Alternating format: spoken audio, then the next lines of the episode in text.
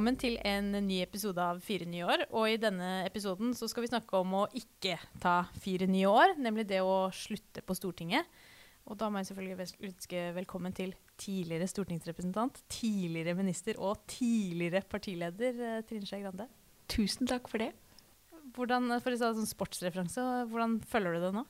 Nei, det, etter valget har det føltes veldig bra, fordi det gikk så bra.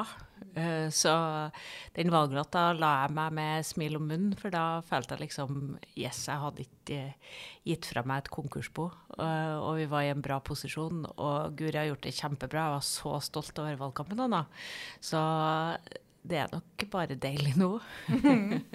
Ja, når, når, nå Stortinget har hatt sin uh, høytidelige åpning, så har du offisielt nå gitt fra deg stafettpinnen. Nå er du ikke lenger stortingsrepresentant.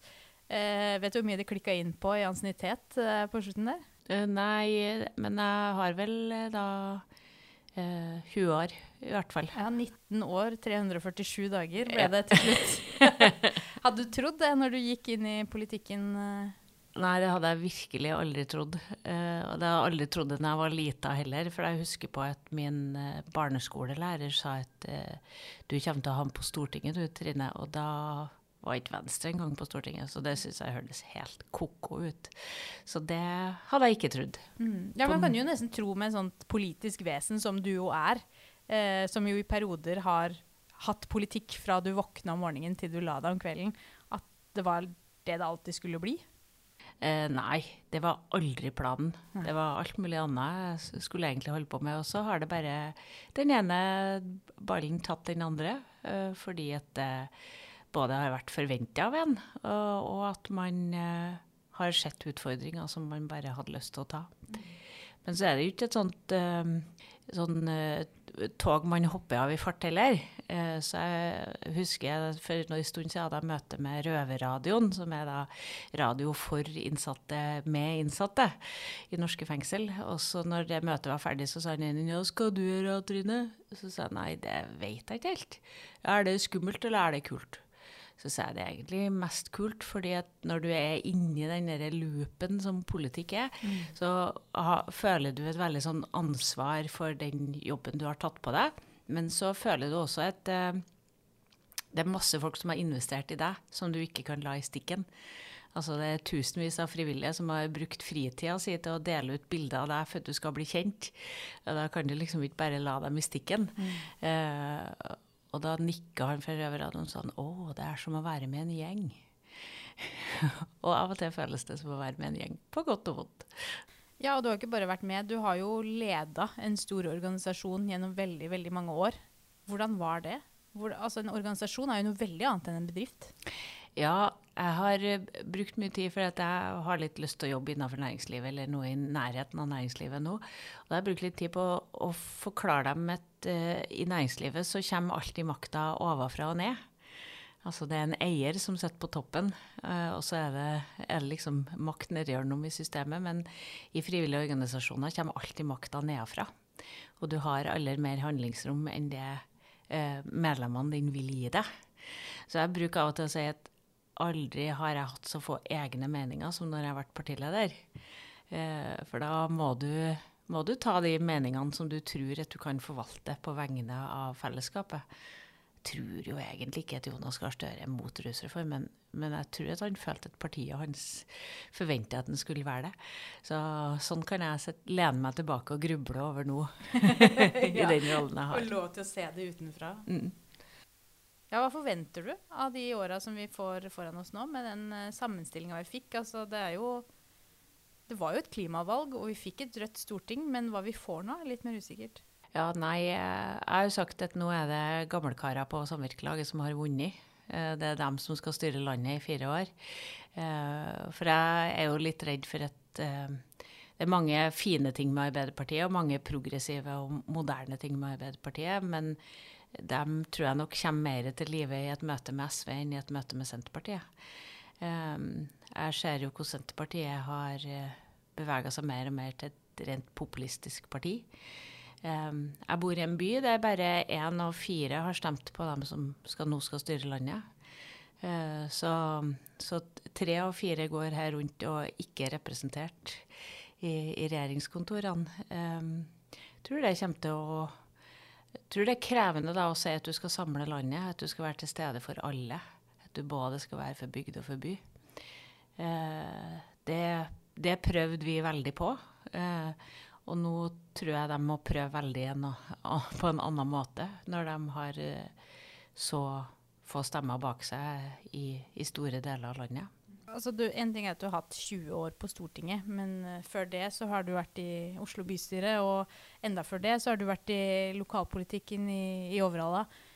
I den tiden du har tilbrakt i politikken, hva er det som har endra seg? Altså jeg vil jo tro at farta har steget, men hvordan har politikerne endra seg? Hvordan har media endra seg? Hvordan har folk sine, sin syn på politikere endra seg, føler du?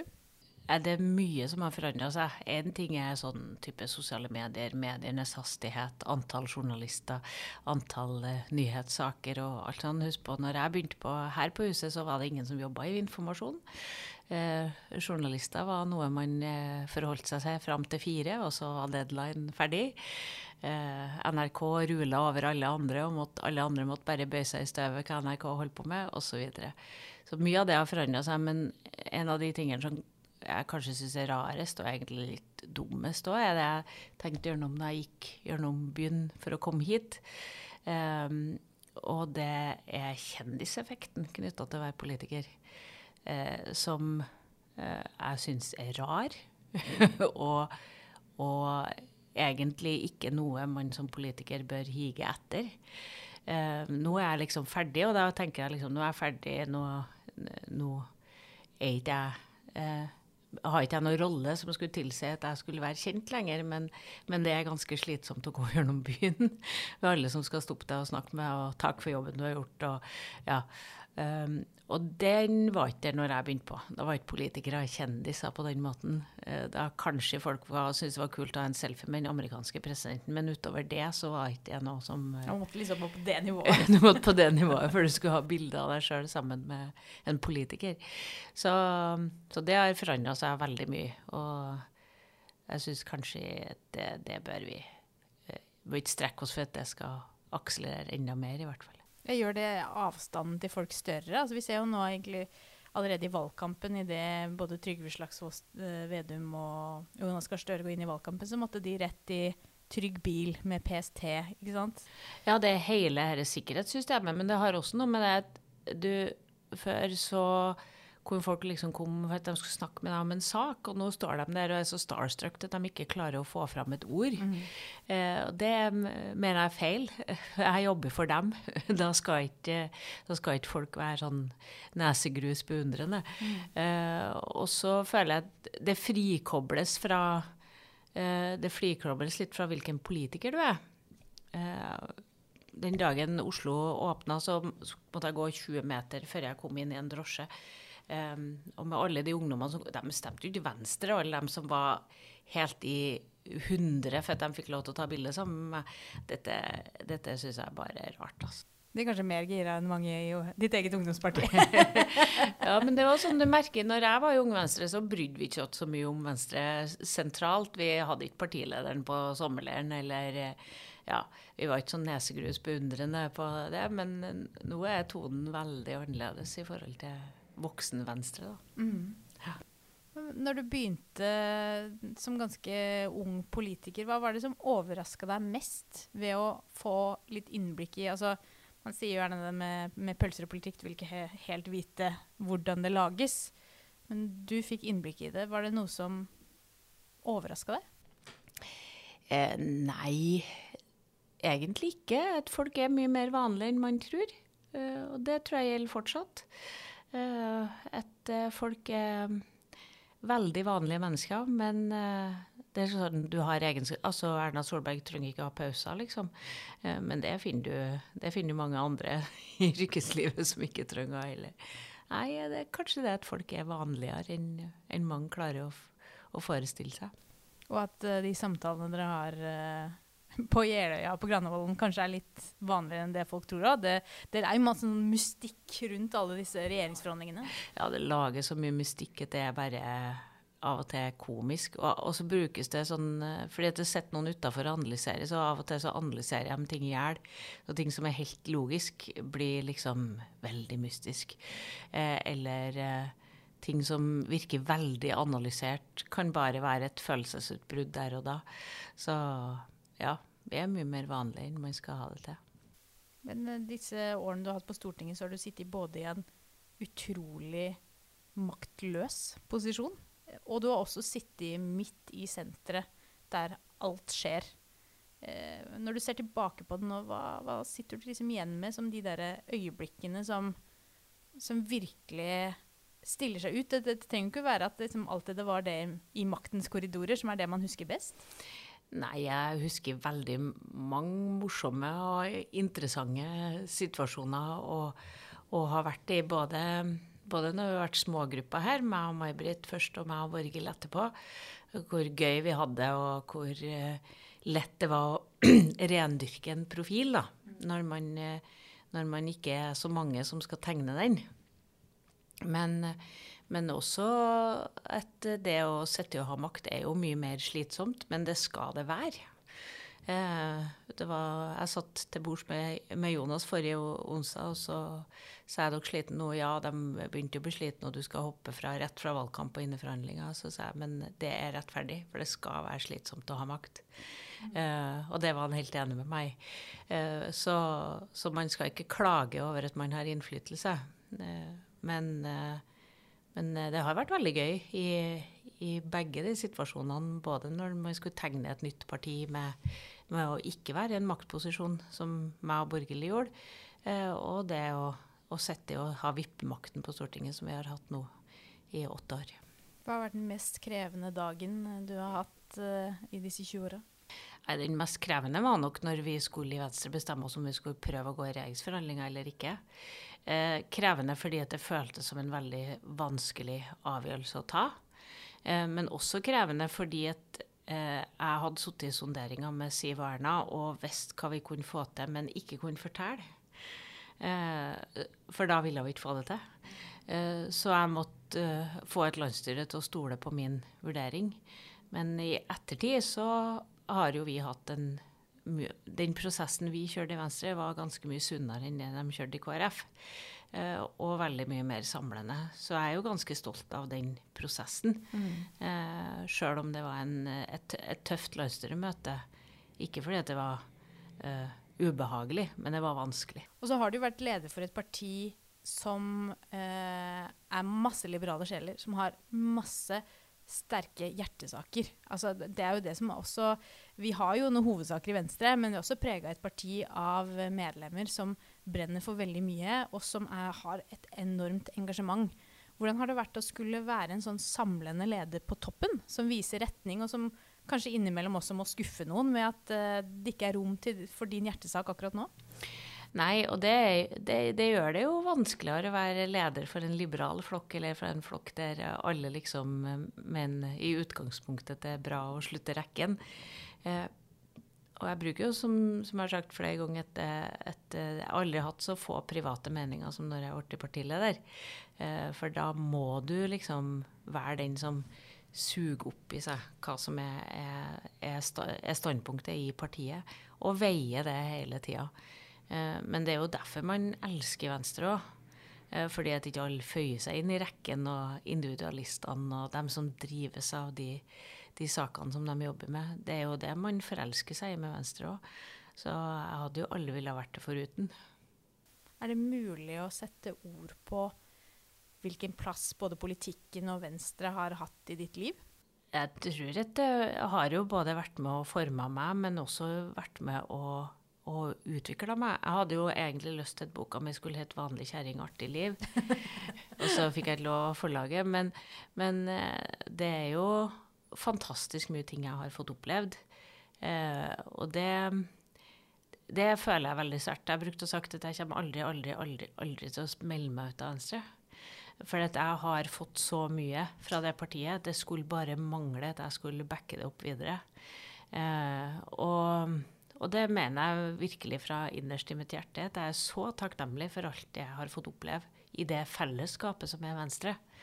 eh, å få stå i den rekka av partiledere.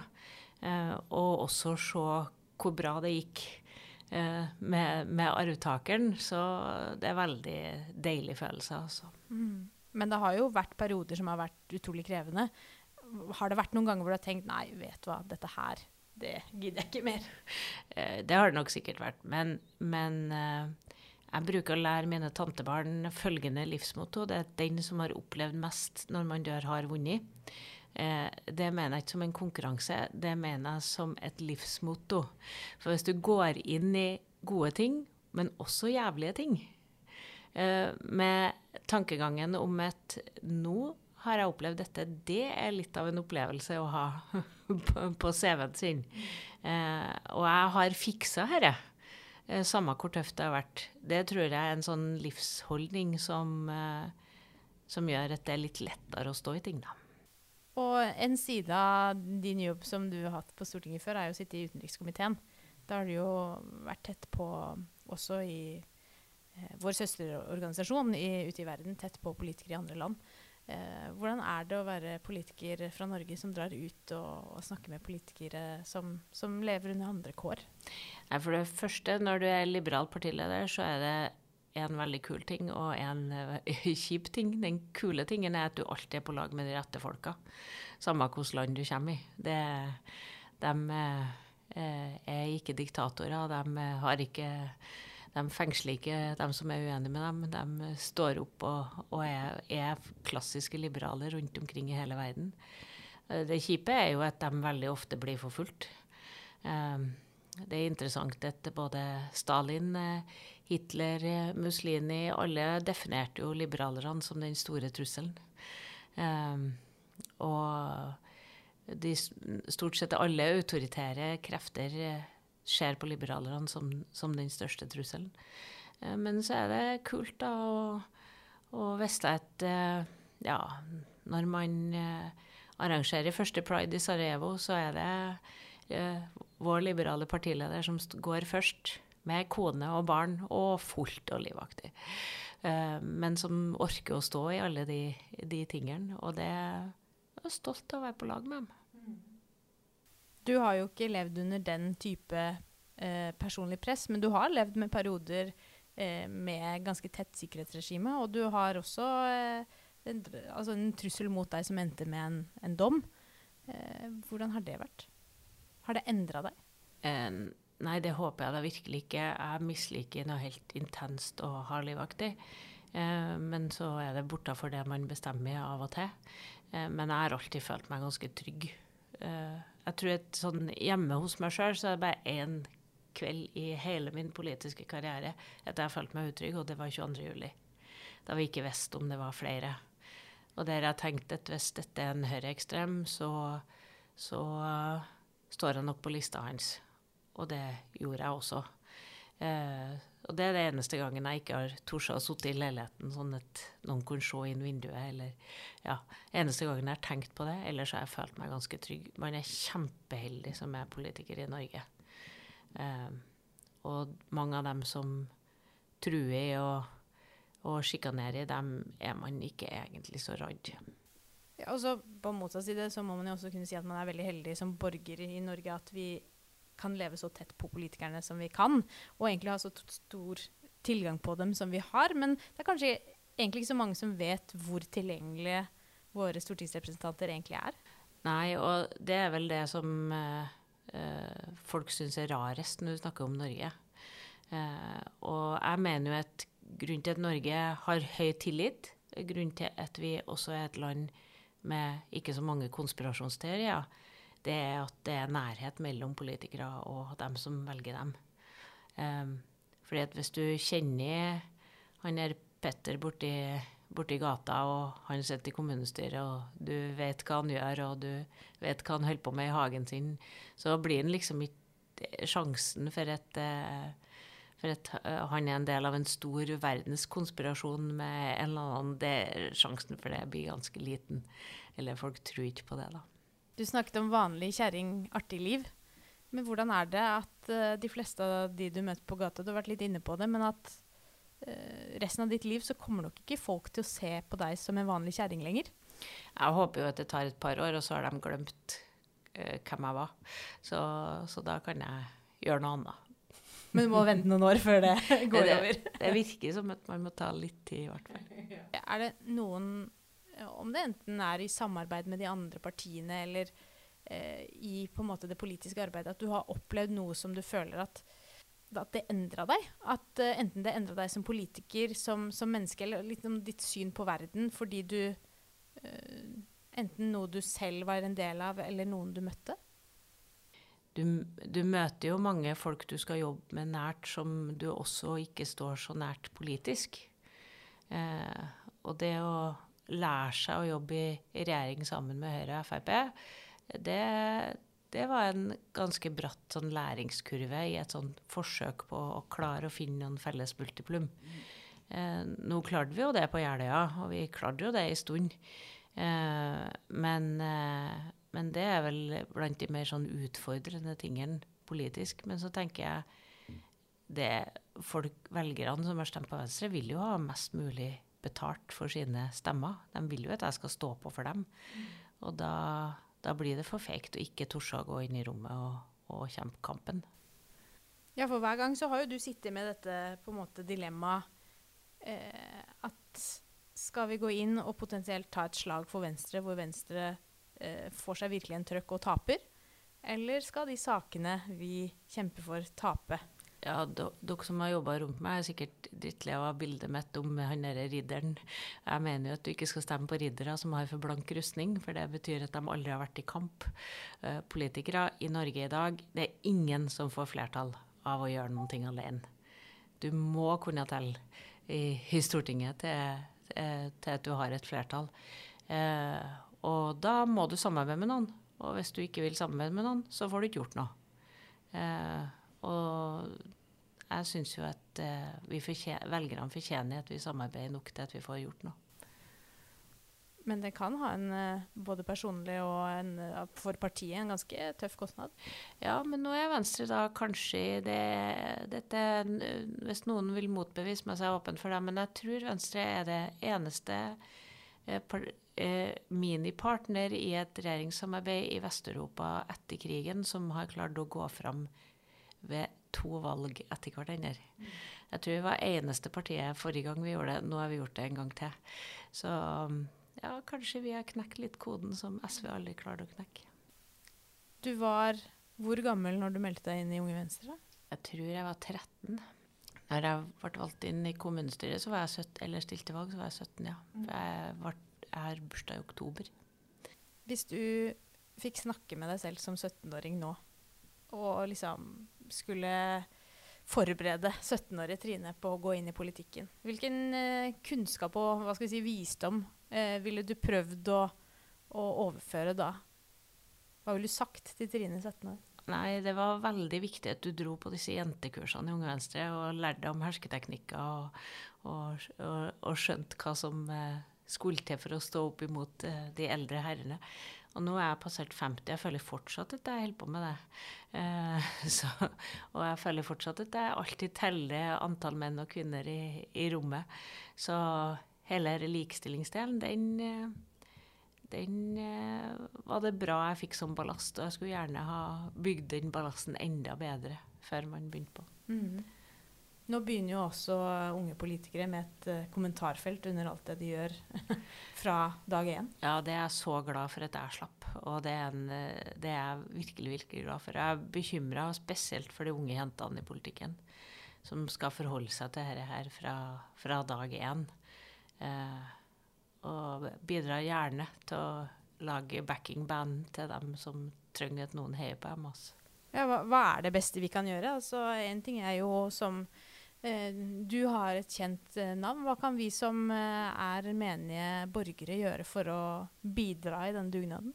Nei, det er jo bare å stå opp i kommentarfeltene, men det er også å være en god organisasjon rundt folk. Jeg merker meg at mange av de spesielt unge jentene som, som, som skvises ut fra offentlige debatten, er mange unge jenter med innvandrerbakgrunn som ikke er medlem av et parti, men som bare deltar som enkeltpersoner. Det å ha et parti bak seg det å ha en gjeng, eh, det å være liksom flokken bak noen, Det er ganske viktig, tror jeg, for å klare å, å lykkes. Eh, og da må vi bare være et godt parti som ikke jatter med kommentarfelt, men som tør opp og stå imot. Hvordan, eh, hva tenker du om det, om at liksom nå er streken satt for en så stor del av livet ditt? Nei, det som er deilig, er jo at det er masse nye unge som har kommet inn. Eh, og at det liksom er en ny gjeng som er klar til å Og så mener jeg jo at de er i en fantastisk posisjon. Eh, liksom eh, Guri måtte overta en oppoverbakke med pandemi og kasta rett inn også å være statsråd og partileder samtidig. Eh, og så viser det at det kan gi en flying start. Eh, og nå er Venstre inne med en stor gruppe, bra valgresultat. Eh, og kan både ha en maktposisjon, men også vise fram hva som er et klassisk liberalt parti. Eh, og nå føler jeg liksom at jeg med god samvittighet kan si vær så god, neste. Føler at det var verdt det. Ja, det var absolutt verdt det. Det har vært kjempegøy. Det morsomste er jo å reise rundt landet, som så eksempel jeg og du var ute og reiste. Møte masse forskjellige folk med helt forskjellig tilnærming, tilnærming til livet. Det er det som er det gøyeste. Det å være ute og treffe folk. Masse lykke til videre, Trine, med Tusen det du takk. finner på å gjøre. Jo, tusen takk for det.